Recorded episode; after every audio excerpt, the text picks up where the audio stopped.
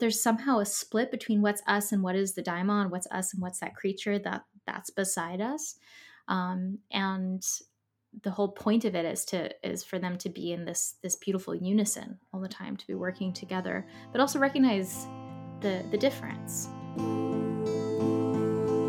Welcome to Soror Mystica, a podcast exploring life's mysteries and magic through its symbols. I'm Mariana Louis, an archetypal tarotist. And I'm astrologer Cristina Farella. And just as the Soror Mystica guided the alchemist through his holy work, we hope to be your mystic sisters in these conversations, guiding you deeper into the symbolic life.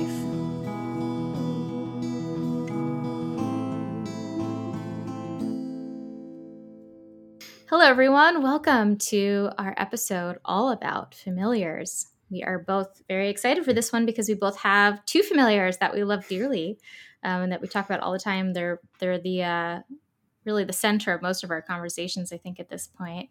Um, so we'll definitely talk about them later. Um, so before we start with familiars, let's get into what we're reading. What are you reading right now, Cristina? Right now, I'm reading um, this really beautiful book called Poets in a Landscape, and mm. it's hmm. by Gilbert Highet. And he apparently was a lecturer at Columbia, like from like the 40s through the 70s. He's a classicist, and um, it's really adorable. It takes the lives of the seven, maybe most according to him, influential poets of classical Rome, and um, or not classical Rome, but just like ancient times. Through the Roman era and um, really talks about their lives and the environments that they were living in. So the first chapter, for example, is about Catullus, who I love because mm-hmm. um, he writes a lot of like really violent love and hate poetry and that's my vibe.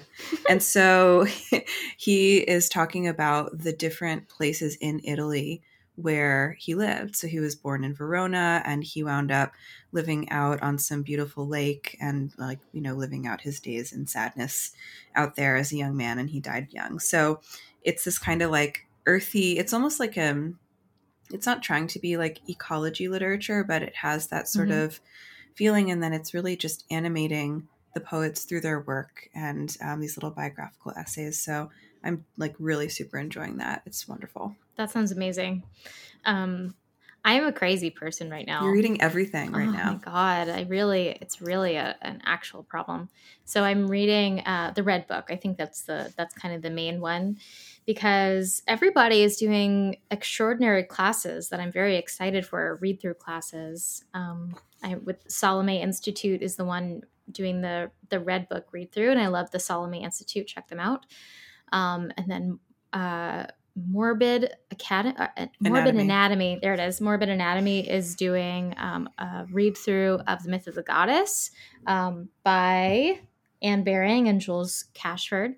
And then I'm also doing that other one with the Divine Comedy. So I am reading everything that is exhausting. I'm also peeking in on the on the Inferno, on Dante's Inferno, yes, and yes. Um, was sitting with that and yeah my partner's reading it so i keep stealing it and mm-hmm. it's just really great. So okay so we're both exhausted with our reading. Um, i'm tired today. I'm out of it but that's that's okay. Um, i've done already a lot of reading. Um, today, so my brain is a little bit fried. But it's good because we're talking about familiars, which are easy to talk about because we love them and mm-hmm. they are attached to our hearts. So, why don't we introduce our familiars? So, Cristina, who are your familiars? My familiars are Federico and John mm-hmm. Baby. Um, yeah. They are two cats. yeah. Uh, we love them. They are very different. Federico is um, a big boy, kind of just domestic short hair, and he has the personality of a man. He does have the personality of a man. um, he's a Leo, and yes. he really loves um, conversations and being included in human activities.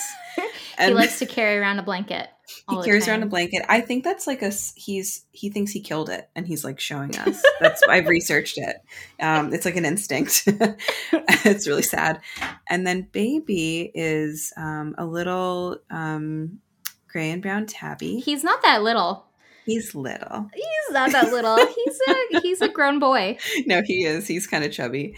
Um, and I love him. And he is a cancer, and he's just he's very sensitive and he's very talkative and um, he keeps me company when i pull tarot cards actually which federico yeah. does not care about at all so yeah. tell us about your familiars please okay so i have my my two kitty cats um, mowgli so the story goes that um, my husband was walking home from the train and then mowgli like popped out of a bush and was like hello and followed my husband home um, and then these like shitty kids who were in the neighborhood like ran out and tried to chase him.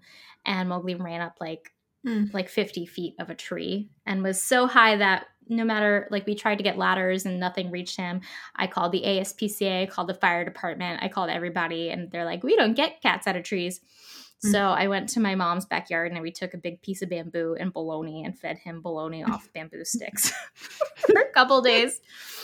Um, and then uh, my husband found a truck, a roofing truck that like had a huge like 60 foot ladder on it. And so they came and they rescued me. Oh my god, that's so cute. Yeah. And then we have Pandora, who is my absolute darling, precious thing. I am very convinced she's new to the cat body. Mm, like she used mm-hmm. to be a mm-hmm. person and she's still getting used to being in the cat body.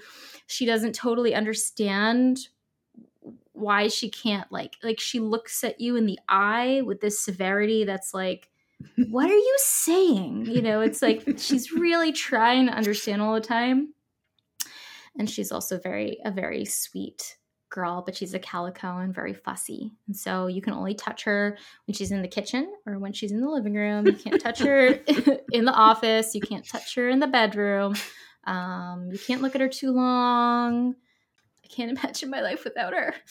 Um, so, why don't we begin with defining what is a familiar? What do we mean by that? So, I know mm-hmm. that you have a little resource for us.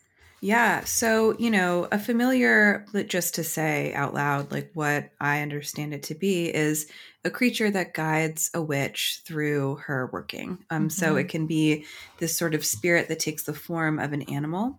And I think common familiars are always cats, dogs, mm-hmm. hares, frogs, snails, toads, butterflies, wasps, and snakes, probably. I right? Things, bet, yeah probably bats too, but um, things like that that show up in like imagery of the Wicked Witch. They always have like a frog or a crow or something mm-hmm. like that. Mm-hmm. yeah, crows for sure. So Owls I, too. Exactly right. So yeah, mm-hmm. anything that has honestly a kind of um, maybe a more nocturnal orientation as an animal seems like mm-hmm. a no brainer for familiar, but like rodents, I don't think mm-hmm. that they're not. Are they nocturnal? I don't know. Yeah, I, I don't think, think some of them are. are. I think mm-hmm. some of them. The rats by my building certainly are. Lovely. There you go. You're right, actually. um, I have a more, um, you know, I have a sort of academic ish definition um, from a book called Witchcraft in the Middle Ages um, by Jeffrey Burton Russell, which is an interesting study. Um, I got this for like a dollar in the basement of the Strand. Perfect. On a whim. And it's, it's, yeah, it's cool. Perfect. Anyway, um, so he writes The Familiar, a manifestation of lesser demons, sprites, and other only mildly malevolent spirits, um, was an essential part of the witch phenomenon and mentioned in numerous trials. So he's talking about like witchcraft, inquisition stuff in the Middle yeah. Ages.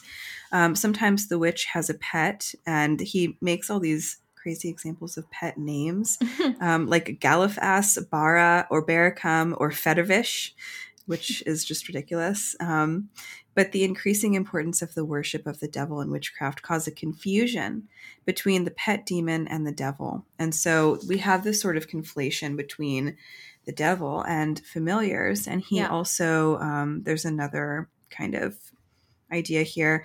Um, he writes often the familiar was supposed to exist in a purely spiritual form, but sometimes it was given a material shape, almost always the form of an animal. The roots of this notion are two. The animal forms that the devil and demons have always taken, forms probably derived from old hunting cults, and the even more ancient idea found in the sorcery of many societies that the sorcerer himself can change his shape. And so, in a lot of kind of attacks on witchcraft, um, you know, witches were accused a lot of times in like the early modern period, for example, of taking the shape of another animal and going out and destroying uh, crops or you know killing people's taking the form of a wolf and killing people's cows in the middle of the night and then they would have an excuse for burning the witch or whatever they were going to do. But the shape shifting nature and the merge between the witch and her familiar is kind of always um, a co-presence and i think that's really interesting. Yeah absolutely. So the the text that i always really like to think about when i'm talking about the witch uh, or rather when i'm talking about the familiar is the play the witch of edmonton which is um, a pretty i guess somewhat obscure jacobean play. It's written by William Rowley, Thomas Dekker, and John Ford in 1621. And I only know about it because we had to read it in um, that class I took with Tanya Oh. Um, yeah. Well, I think the class was technically called like necromancy in Elizabethan England or something like that. I don't know. Mm.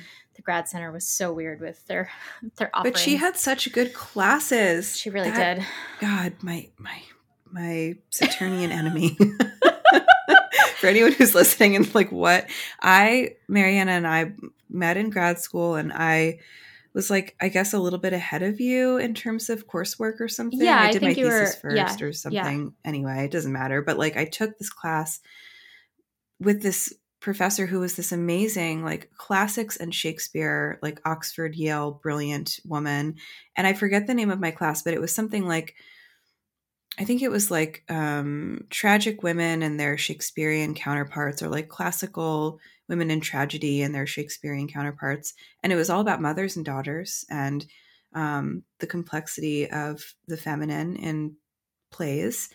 And I loved this teacher and I loved writing papers for her. And then she became my thesis advisor and she mm. just chewed me up and spit mm. me out. And it was it was so bad. It was such a hard thing. She was really bad. I, I asked her also to be my advisor briefly because I asked her and I asked one other professor and I wasn't sure who would be a better fit for me. And then she looked at me in the eyes. She's like, "You're not gonna you're not gonna enjoy it if I'm your advisor. This is gonna be a mm. miserable experience. My standards are gonna be pretty rigorous." And I was like, she was exacting. It was yeah. crazy. And I'm a little bit too Jupiterian. I mean, she liked me as a student, but I'm not um, I don't have the same training as her, and nobody does, though. That's the thing. No, she, so. I mean, her, yeah, she was, she was a hard ass. I mean, that's mm-hmm. just what it comes down to. Mm-hmm. She was ridiculous.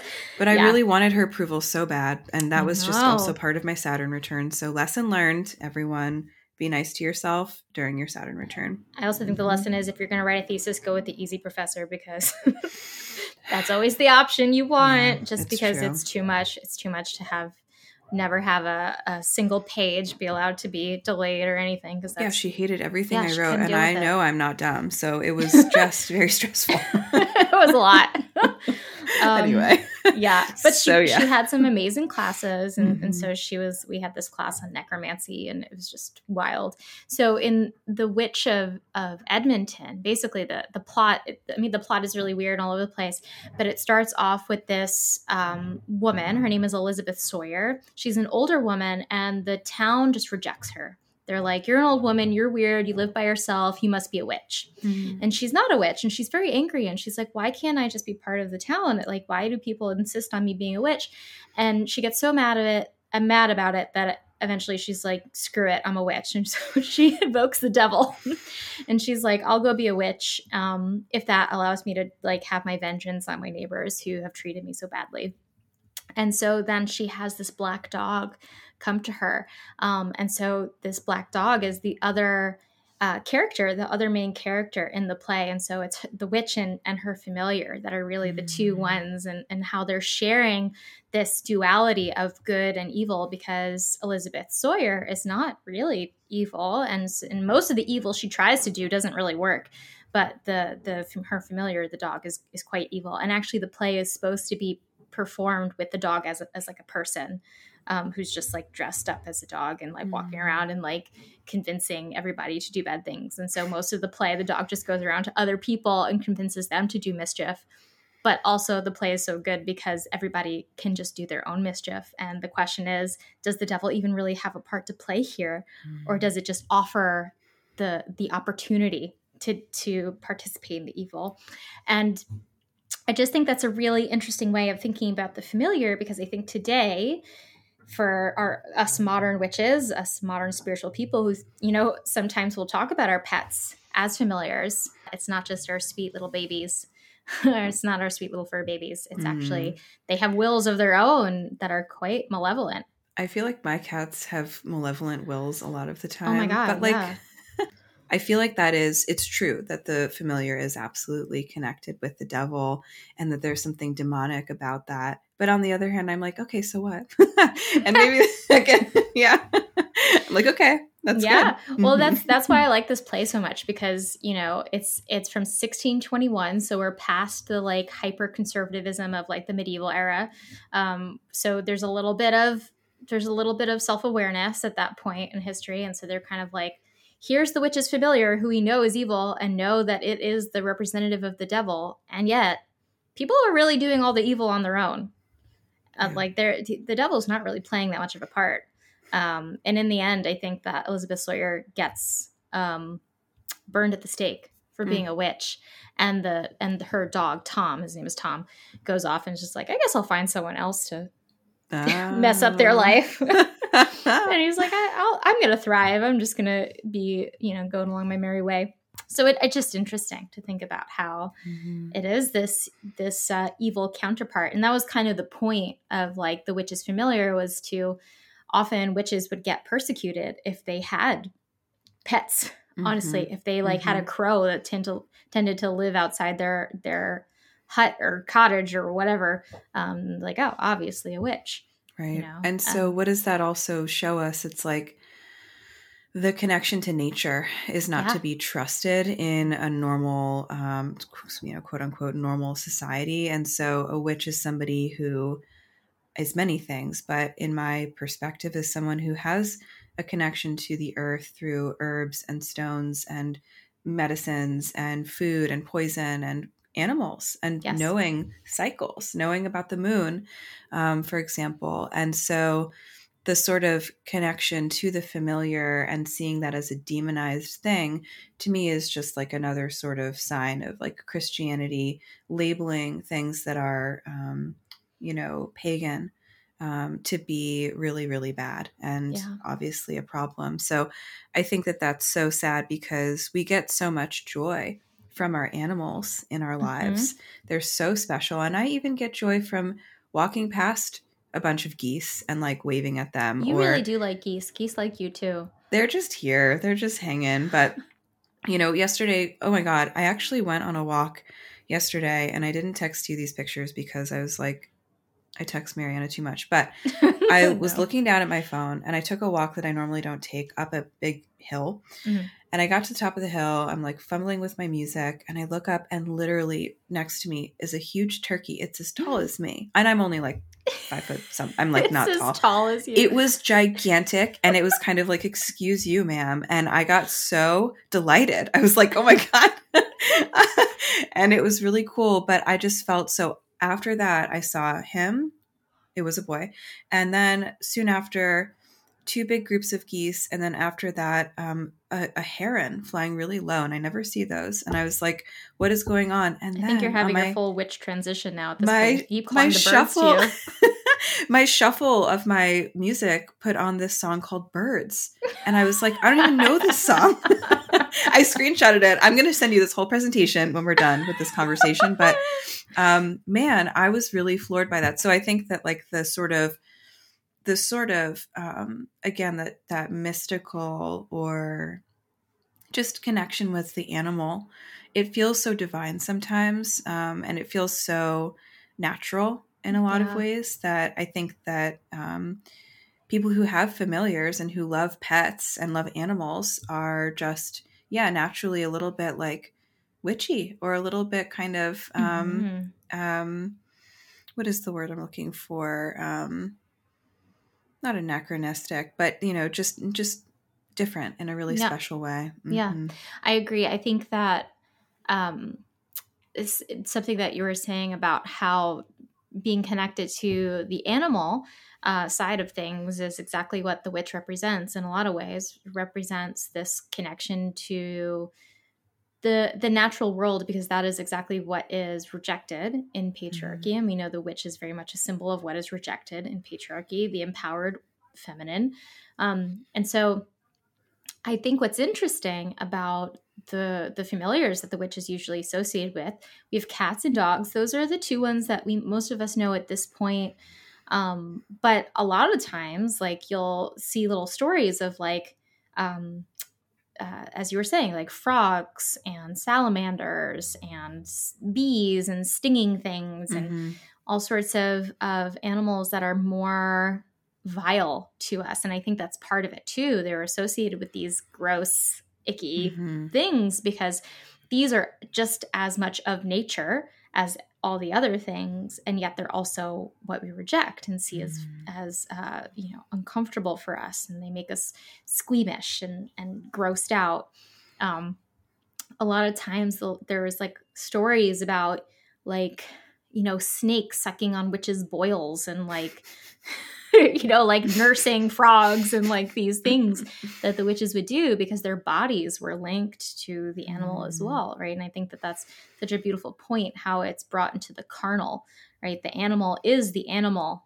part of of experience that's mm-hmm. part of the human experience which is the carnal experience the corporeal experience and yet this is exactly what you know the the height of let's say christian patriarchy would reject they're always seeking the spiritual experience that is completely divorced from the animal side. Mm-hmm. Um, so the witch is completely invested in that animal nature and bound to it in a really interesting and, and kind of fascinating way.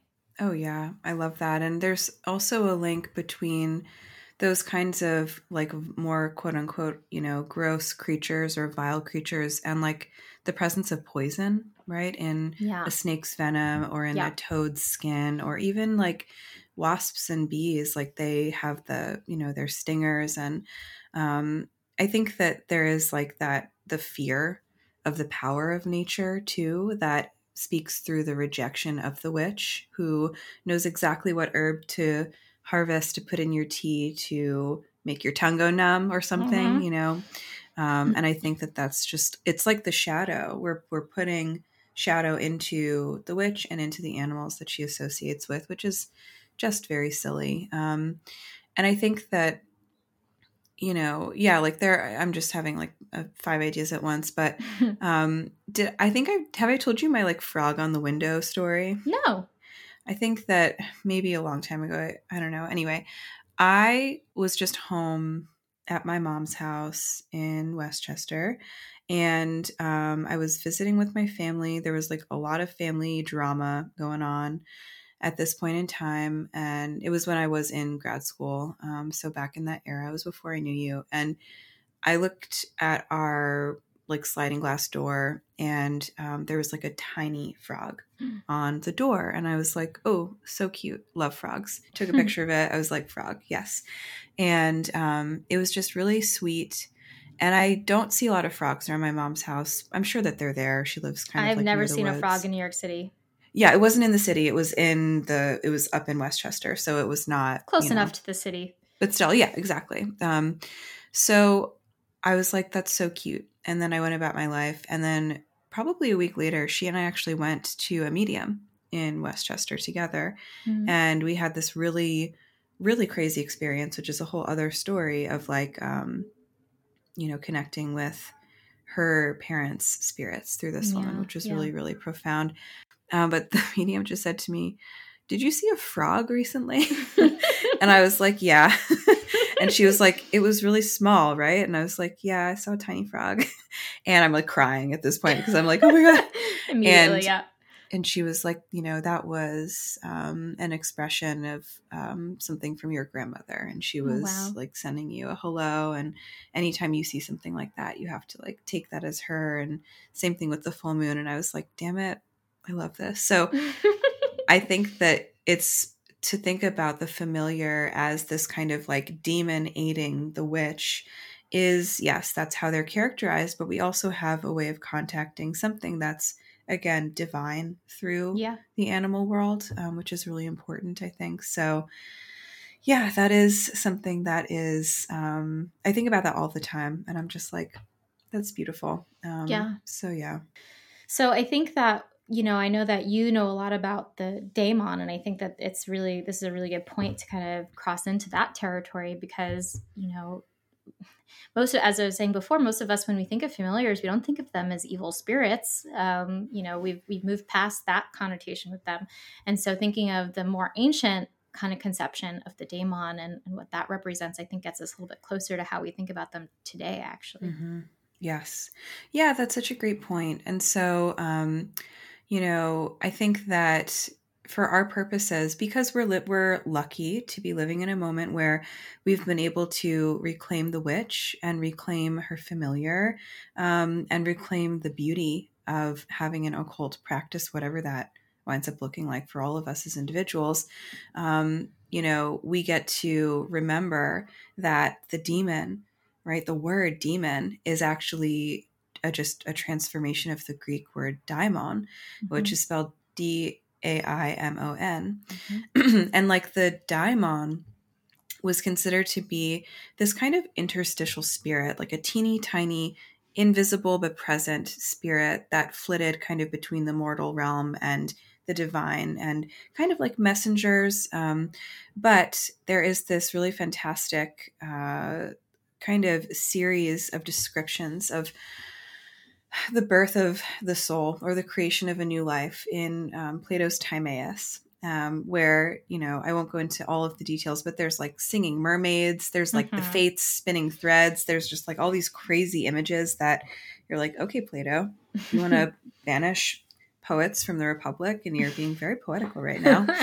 um, but thinking about the daimon, the daimon is uh, considered to be a spirit that you're kind of like assigned to um, when you're choosing your life's path, and they take a special shape or a form, and they help you kind of continue to play out fate. Because what happens is we meet our daimon, we kind of, you know, the fates select our thread, and then we're born, and we forget everything that happened prior yeah. to our birth. And the daimon is considered to be a spirit that follows us through life, making sure that we stay on that path, even if we're feeling like we're not on a particular path.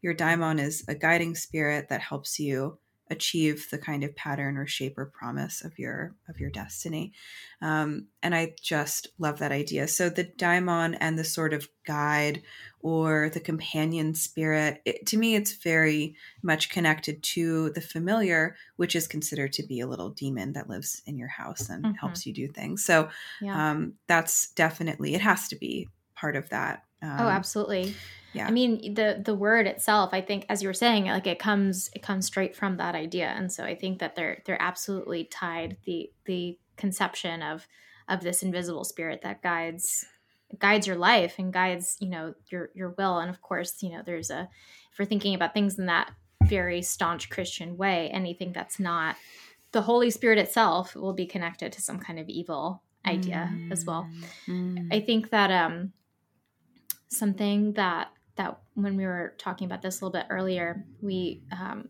you know mentioned Philip Pullman's novel, um, his Dark Materials, or a series of novels in which the like the the daimon is very much a, a, like a real thing. It lives. It's a physical entity that lives outside the person. And so, it, what's so interesting about that series um, is that you know, it's not spoilers, but just so you know as you go I, I, haven't read the whole thing i've only read the first one but I've, I've watched the the whole hbo show.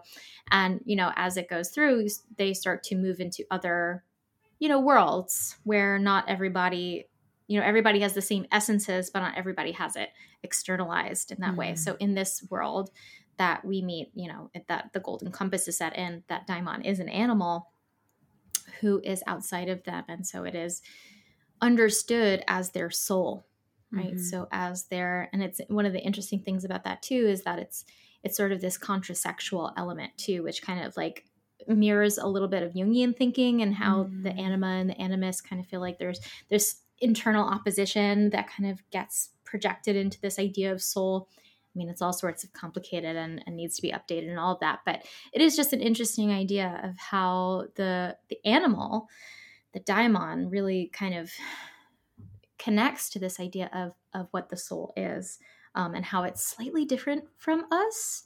Like there's a there's somehow a split between what's us and what is the daimon what's us and what's that creature that that's beside us. Um, and the whole point of it is to is for them to be in this this beautiful unison all the time to be working together but also recognize the the difference. Mm-hmm. um, and I, I don't know what to make of that all the time but I, I do think it's a really beautiful idea of mm-hmm. of uh, you know what this what this daimon is and what this idea of soul is as well yeah, I was obsessed with that book when I was a kid. Yeah, I would said, read it yeah. every summer. I would just be like be my like beach book, which is ridiculous.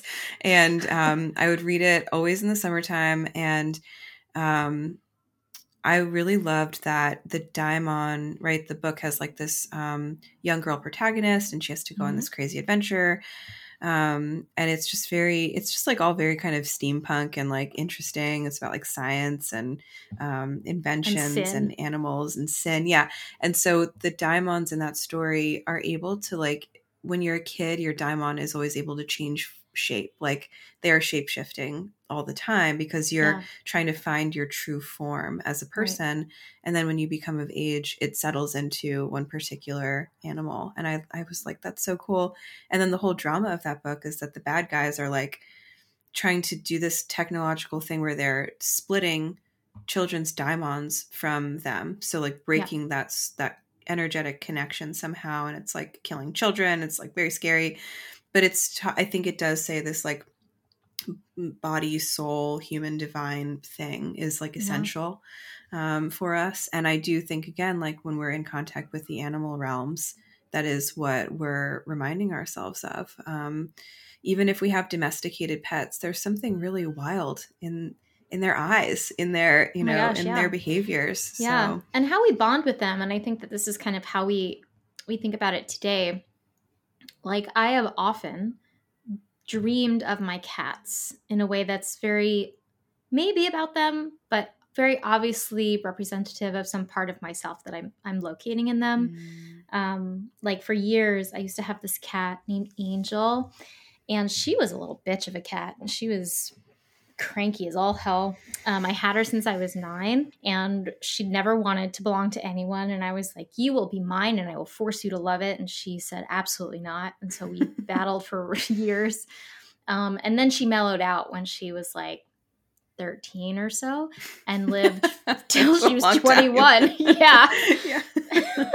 so we really bonded um, in the last like uh, third of her life. But um, I used to dream of her always being injured in the right arm just like mm-hmm. over and over and over again and and i you know the the feelings i'd have of deep sorrow for not being able to protect her and all of these dreams were coming up right when i was doing the the the worst of my you know childhood work and looking backwards to that period of my life and and it was um, very obvious that like there was some soul thing that was wrapped up that we were wrapped mm. up in mm-hmm. together even though like she was not the sweet little i mean she was named angel but she wasn't one at all.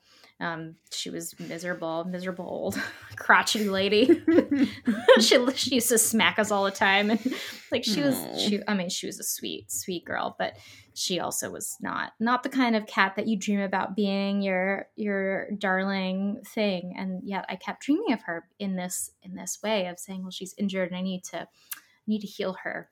Mm. and i you know i think that we all have those kinds of dreams when it comes to our pets of of needing to protect them or heal them or they're running away from us or, or we're trying to return to them there's something about how we're bound to them how they we project some some soul piece of ourselves mm. onto them and feel and i mean it's not and it's not only projection we're also connecting to them in some really profound way that is that is far deeper um, than language because we can't at least I mean, sometimes I think that I'm talking to Pandora, but I don't. I don't know always for sure. She's very good at seeing. Do you know? This is totally a tangent. Um, do you know that she's she started to use the box, but she needs encouragement. You told me so this. This, this is, is what, so absurd. so my cat, my cat Pandora, who is my the darling of my life, um, likes to to poop in the tub. It's disgusting. It's horrible. She does this because she's fussy. She's fussy about the litter, she's fussy about the smell, she's fussy if someone's in the bathroom.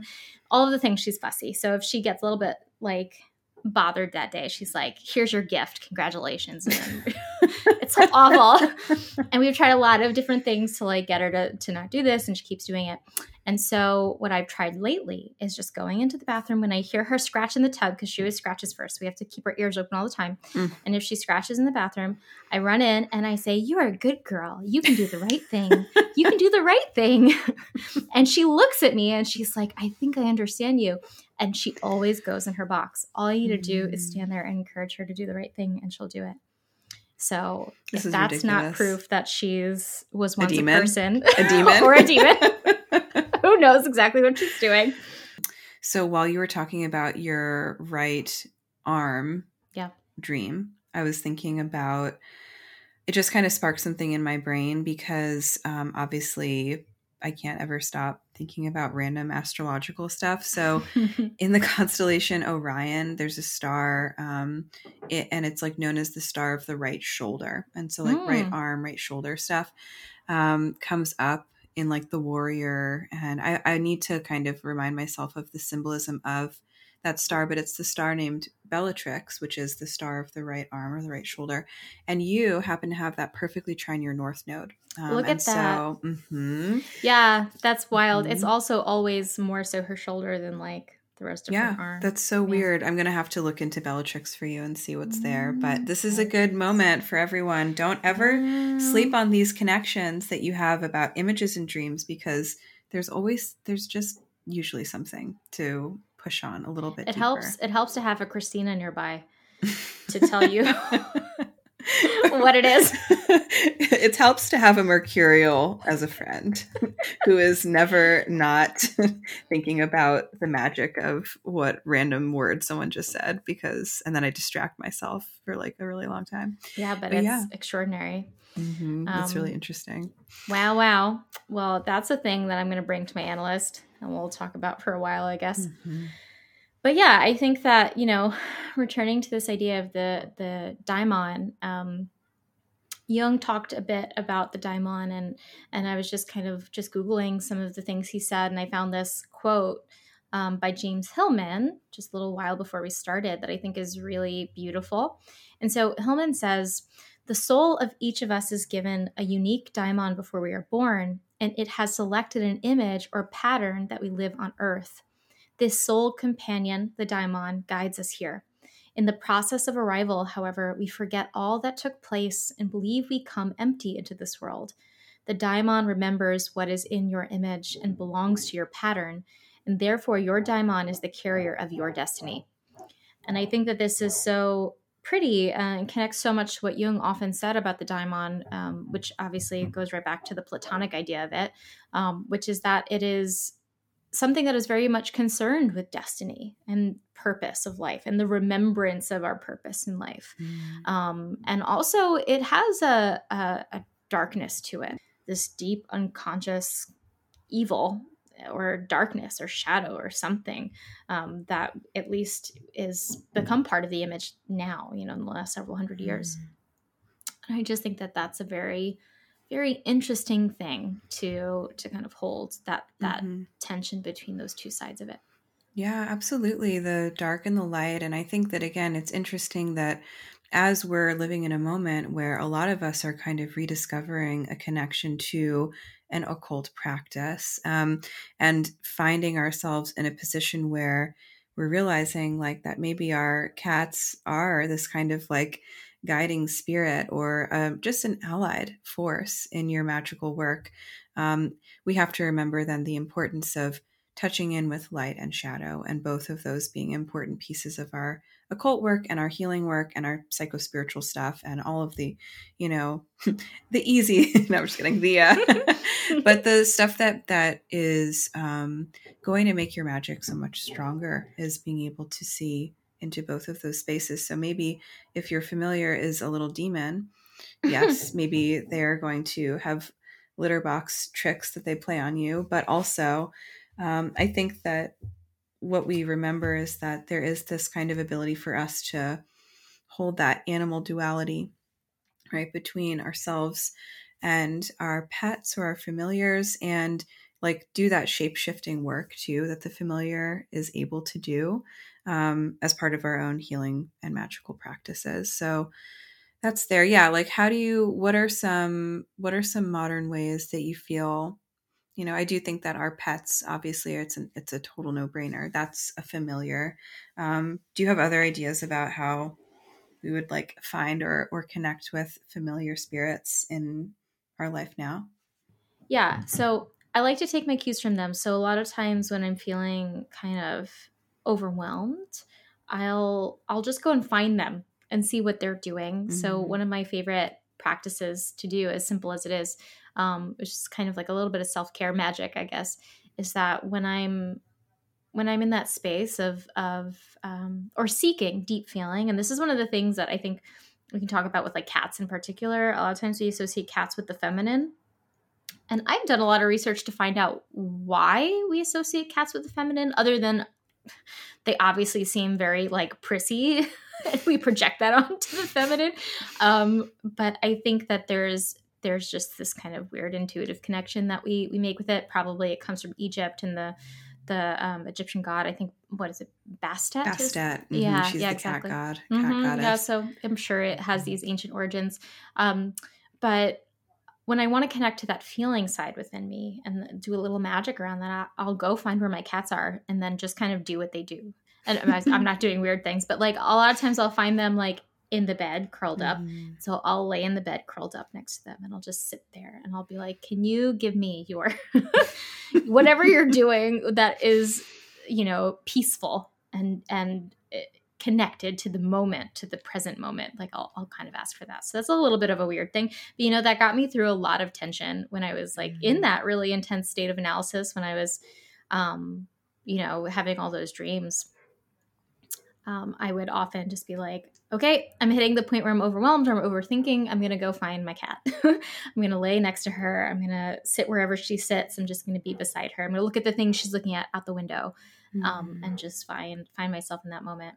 Actually, during that period of my life, it was right before I went to the grad center. Actually, um, when I was really going through a lot of intense stuff and analysis, um, I would often come home very upset, thinking about so many things. You know, I'd cry, I'd I'd throw a pillow across the room, whatever. I would get into my my you know moods, and my cats would always come. Mm. I remember one time I came in I had like we had a really deep session and I was like so upset. I held the whole the whole thing in and then when I got home, I just walked in the door and it like like it all just like came out of me and I was like really upset. Um, and it was Angel actually, the grumpy old lady who never left the like five square feet that she liked to live in. um, and then she she made it all the way down our long hallway and found me by the door and just crawled into my lap and I was like, you never do this. You don't mm. touch me. Like mm. she was a very, you know, on yeah, she she didn't like to be pet that much. She didn't like to be touched that much. She was kind of her own thing. So, do you have any magical ideas for familiars? How to work with them in our practice? I think that I like the idea of taking cues from nature. And if I can maybe expand us beyond the oikos, beyond our houses, like I think a lot of times when we go out into the world, we are encountered by creatures or even plants um, that show up routinely. And I do think that that's always like something being presented to us as a potential allied force or figure. Um, right. And so to me, if I go for a walk and I see all those birds, I'm like, okay, next time I see these birds, I'm really going to take note of how I'm feeling, what's going on, and maybe what the, you know, look into the symbolism of what that animal represents in like the collective imagination. And um, when you're out in the world and you're feeling um, like you need guidance, if you're feeling like you need something to kind of buoy, buoy you or support you, definitely keeping an eye out for any creature that shows up and reminds you that there is like an animal answer to these very human questions that we go through um, and experiences that we have, I think is just important to me. Um, and same thing again, like I said, for plants, flowers, stuff like that. Um, yeah, so uh, I take that very seriously, uh, and I consider plants to be familiars as well as as animals. So yeah, I don't know if that, that counts though. I don't know if that's like a if that's allowed. But I mean, I mean, certainly. I would. I mean, have you ever seen a uh, Little Shop of Horrors? I was just thinking about that. That's so funny. you know, there's like a whole um there's a whole swamp area out here in Oregon, and it's like a swamp of carnivorous plants. And oh, I've God. never gone to it because I don't know why, but I should. I, I like think about it all the time. I'm like, I want to. Well, see. you really should. That's so mm-hmm. scary. Yeah, it's Oregon. It's terrifying. it's like actual nature. It's very, oh very big. Yeah, it does not yeah. care about you. It's impersonal. Um, but carnivorous plants. So scary. Mm-hmm. I I have now such a, a fondness for rats, which mm-hmm. I never had before. I mean, being a native New Yorker, rats are always just like, nah, yeah. they're just part of the scenery. You don't really think about them much, and then you see them all the time, so it's whatever. But then now that that I've come to know this rat colony two blocks away, my there's a um, apartment complex a couple blocks away that has this really really um, well established rat colony mm-hmm. um, that's highly organized um, they're very smart. They're, they're like, very intelligent. I saw an article recently that was like, we now know that rats are very intelligent. Is it ethical to kill them? And I'm like, no, it's not. So, is yeah. it ethical to kill them? Mm. Wow. Yeah. this is like eugenics 101. Okay. Um, Good. um, but no, they are. Apparently, they they have like um, territory wars mm-hmm. and stuff. They like they're and uh, um, my husband's cousin was just telling us that they uh, they actually when they have these territorial wars, they'll just send one. They'll elect a hero. They'll elect a warrior, like they're an like Redwall. and they'll just like send them into the gauntlet and they'll just fight it out in the arena and then whichever one wins is the one who gets to keep the territory and That's then so that they don't all have to have a battle just just their elected wow. heroes yep um so that's a fact. But yeah, I see them all the time. Um, my husband and I, we have this little like ritual that's very silly where we'll go out, we'll go to dinner, and on our walk home, we'll be like, we're gonna go visit the rats and say hello to the rats. And so we walk we walk along the block and they always like well they'll dart across the street and they'll like the mom will have her little babies that she'll guide, mm. you know, to the other side of the mm. apartment. Mm. And we're just like, they're our friends now. And so now I see them and I'm like, I feel I feel I don't know. I'm just like friends with them. I feel like we bonded. I don't know why. This is just a weird thing, but I I I really like rats now. Isn't that a strange thing? I never thought I would say. Cool. So mm-hmm. let's talk about some some symbols now. Yeah, I think this would be a nice time to pivot, and um, yeah, I'm I've really enjoyed exploring this because it's brought up a lot of things beyond familiars um, about animals and just the natural world that I think is so important to stay present with. So, yeah, yeah, I think this is lovely. If you're enjoying this podcast, we encourage you to learn more about how you can support us on Patreon. There's many benefits available, including extended episodes, guided tarot meditations, and astrology transit journals. But all listeners are welcome to share a symbolic experience for us to explore on the show. Therefore, we invite listeners to pull those symbols from their lives, whether they come from a dream or synchronicity. Thank you to today's sharer, and please tell us your symbolic experience on our website, sorormysticapodcast.com. Jungian Online presents Jung Arcademy, a personal growth learning platform for you. Join expert faculty, analysts, authors, and artists for live and video classes and events in the continuing tradition of Jungian psychology. Join us live or watch later our courses are accessible and presented in a way that everyone can follow and enjoy. Come together in search of meaning. Come explore jungarcademy.com. And as a recent addition to the faculty, I can't encourage you highly enough to go check out jungarcademy.com.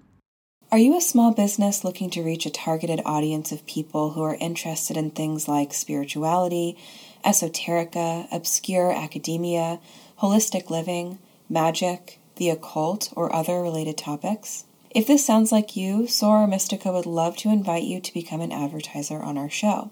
As Soror Mystica has a highly tailored audience of mindful, curious, depth seeking listeners, we would be delighted to be able to give your business a place to reach new eyes, new ears, and new hearts. If you're interested in becoming an advertiser, you can find our application form at our website, which is sorormysticapodcast.com backslash advertise with us. Thank you so much for being a part of our listener community, and we really look forward to hearing more about your unique business quite soon. Okay, so let's talk about your your centaurs. Okay. I think that's a good one to focus in on.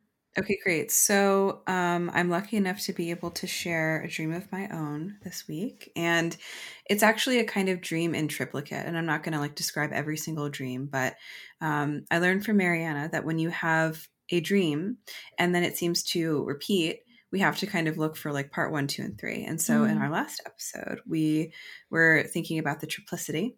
Yeah. And I think that that's, um, this is kind of maybe our bridge between triplicity and familiars. So, mm-hmm. the first dream that I had that really was bizarre, and you did say to me, like, you have to look out for another centaur dream because yeah. this is just ridiculous. So, um, the first dream that I had was that I walked into my bedroom here and I like pulled the blanket back off of my bed and there was a centaur in my bed um, but the like male torso portion is separated from the horse body. And i it wasn't gory. It wasn't scary. He wasn't like in pain. It was just kind of simply a dream image of like this kind of separated centaur. And mm-hmm. i woke up and i was like that's so crazy. The second dream i had was about centaurs um, again.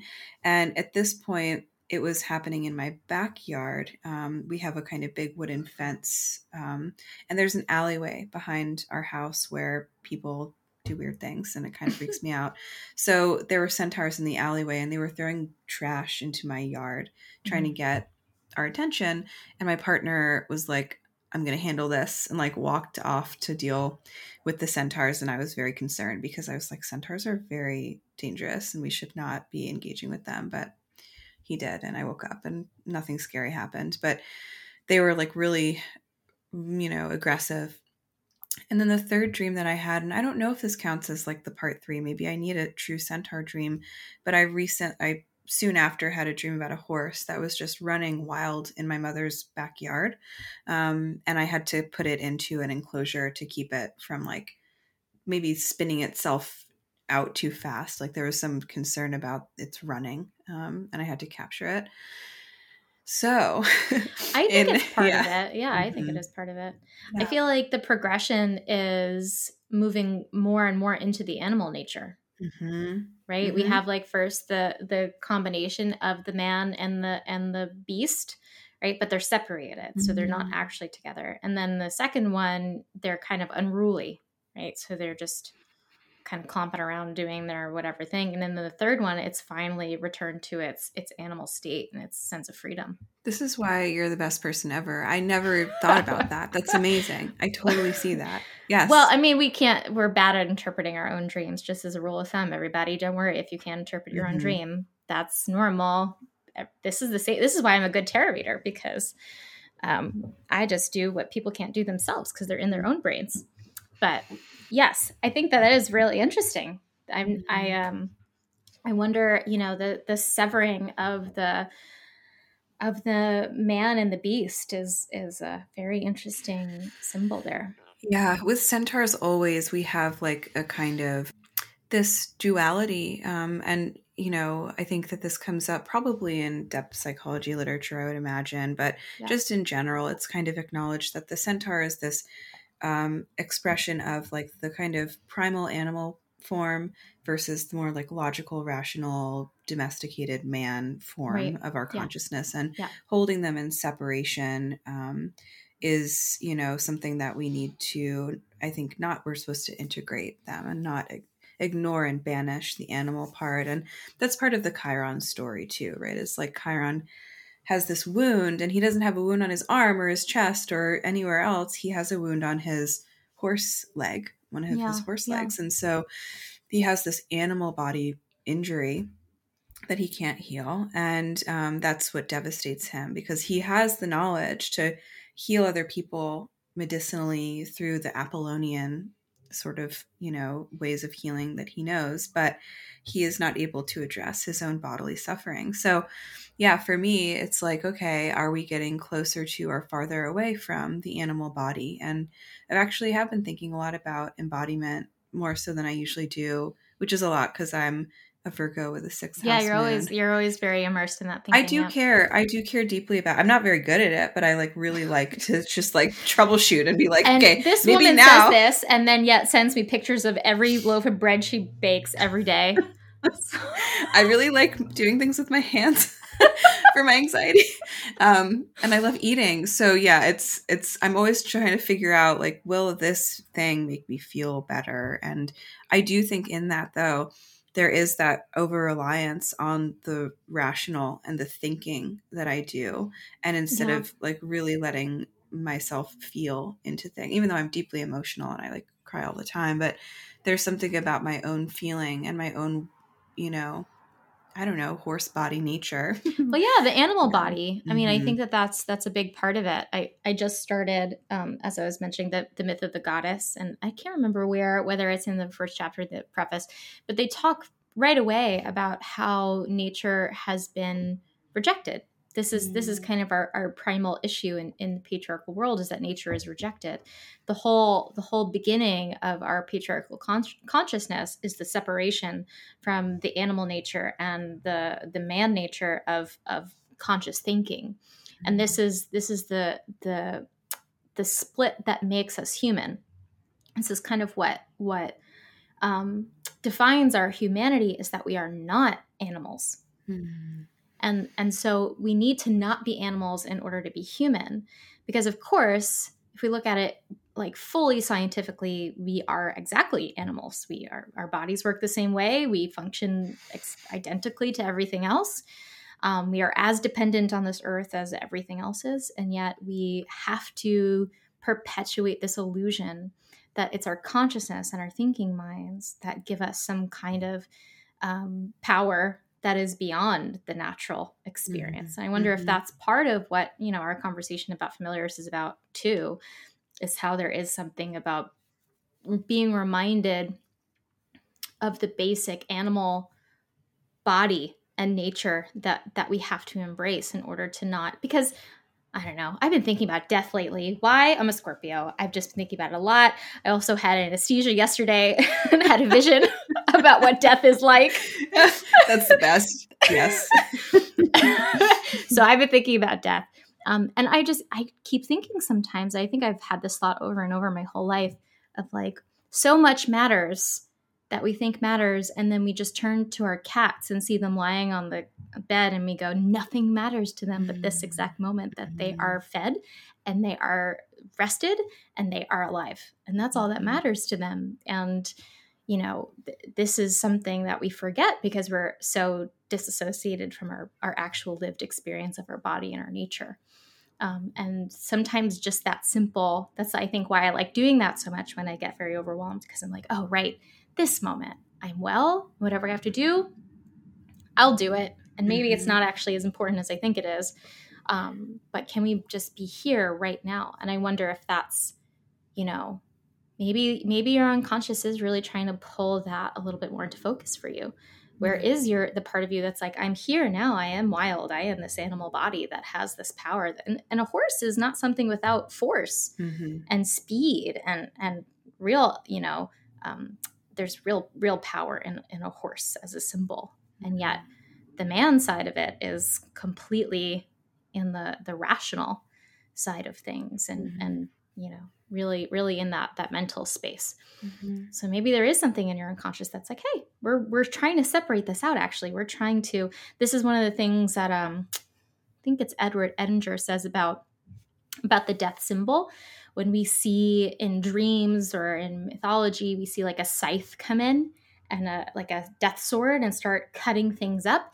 It's symbolic of the work of differentiation of the different parts of our psyche that are ready to be looked at individually so we can kind of say oh this is a part of me and this is a part of me. And i can start that work of separation in order to reintegrate it um, with better understanding. So Mhm. and that's exactly what you see in that first dream is is the the severing of the two halves. And it, there's no blood and there's no gore. So it doesn't feel it sounds like in the dream it doesn't feel like ah It's this is horrible scary. It's yeah just very matter of fact. It's like, well, that's and that's a thing, and I just, yeah, it's not scary at all. And I'm easily scared, so I would say if it was scary or not. as we've established, talking about our haunted houses. I love that. Thank you. Thank you for that insight. And yeah, I always like wish that um you could just be like a dream interpreter for people and live that way because you're so good. You're so good at it. So thanks. Yeah. I mean, I don't actually think I'm that good at it. I think I just that's ridiculous. I literally praise you all the time. I clearly need to praise you more. I don't believe in praise. I do, like I can't. I'm a Type Four Enneagram. Nothing you can say I will ever believe. So don't really worry. Dumb. You're dumb then. Fine. I'll just call you dumb. Well, you know, mm-hmm. um, I will remind you from ever on that you called me dumb one time. on air. so I'll have so that sad. on you. Um, yeah, well, your dreams are are wild. I love your dreams. Your dreams are very rich and, and kind of like deeply symbolic, and they they have so much in them to work with. So, um, mm-hmm. I'm glad you shared this one. It's really it's really good. And of course, Chiron is such a big part of it because Chiron is such a big part of your your psyche and what you understand about the stars and yourself and mm-hmm. and you're working with Chiron so intimately right now. So, that's you know, just for for people to note, that's a really good idea is to notice themes that are repeating. I actually just had a, a reading. I had a couple of readings this week now I'm thinking about it where people brought up animals and, and mm. animals look at that synchronicity. That's so cute. Um, one one client um, had a, a dream about a puppy that they they found and then were like oh i can't keep the puppy but then but then they had this dream that the puppy was like lost somewhere and they had to like find it and rescue it and then they were like i have to and they felt like such a, a profound connection to the puppy in the dream that they were like oh this is my puppy now and then I had just a, a client just um, very recently who told me that they were dreaming about snakes, like lots of dreams about snakes. And that was very interesting. And they said that the night before a reading, they had had a dream about a green snake. And then I pulled the last card I pulled in the reading was magi- the magician, mm-hmm. which of mm-hmm. course has the green snake wrapped around his wow. waist. That's crazy. Yep. And I was like, there's your snake. And it was funny because I, I totally thought when they were telling me about this dream, I was like, the magician's going to come up. He's going to come up with his green snake and he's going to be like, here's your snake. That's what we need to do. Mm-hmm. Um, we, we repeat the image. So notice your dreams, notice the things that, that come up, even if they don't feel directly, they're not like a literal, you know, um, uh, reappearance of the image, even if they're connected by theme or, or a similar symbol, there, there's going to be something to them that has a, has a, a bigger pattern to examine. So, mm-hmm. just a note for everybody mm-hmm. doing their own dream work. And always tell a friend if you're stuck mm-hmm. on it yourself. Go tell mm-hmm. somebody, go talk about it because it's okay to be stuck yourself with dreams and symbols because that's kind of the point of doing the work is to is to be engaged. I mean, if we think about all those those Greek philosophers sitting around. They're all telling each other everything that they were thinking. Um, that's all they did all day long. I had a thought. You want to hear it? Um, so I sometimes I think that's the the destiny I never got to live in life. That I really just wanted to sit around and tell people what I was thinking all day. Mm-hmm. Um, so I think that you you can do that with me. So we do do that. That is true. And yeah, so that's that's the calling I really want. I want to be an old man in a chair it's my grand, grandpa basically telling everybody what I think and not caring what everyone else thinks. Um, anyway, I'll hold that vision for you. Okay. Thanks. um, well, on that ridiculous note, I think that we've had a, a beautiful conversation about familiars and animals today. Mm-hmm. Um, and make sure if you have a symbol that you want to share with us, drop that on our on our um, little uh, web on our website. We have a page that you can go and drop a dream or a symbol that you've been having so that we have some juicy ones to to bring in. Mm-hmm. um yeah because we love we love being able to pull in this but but your centaur ones were too perfect for today's thanks. episode. Yeah. Okay thanks everyone. This was fun and we'll see you next time.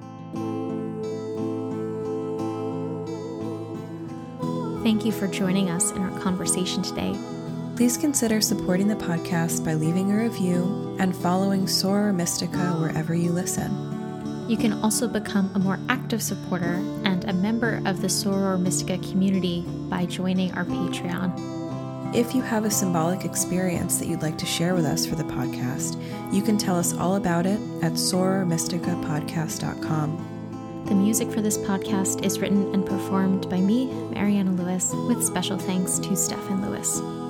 You can connect with both Cristina and myself on Instagram and get to know our work by clicking on the links in the show notes.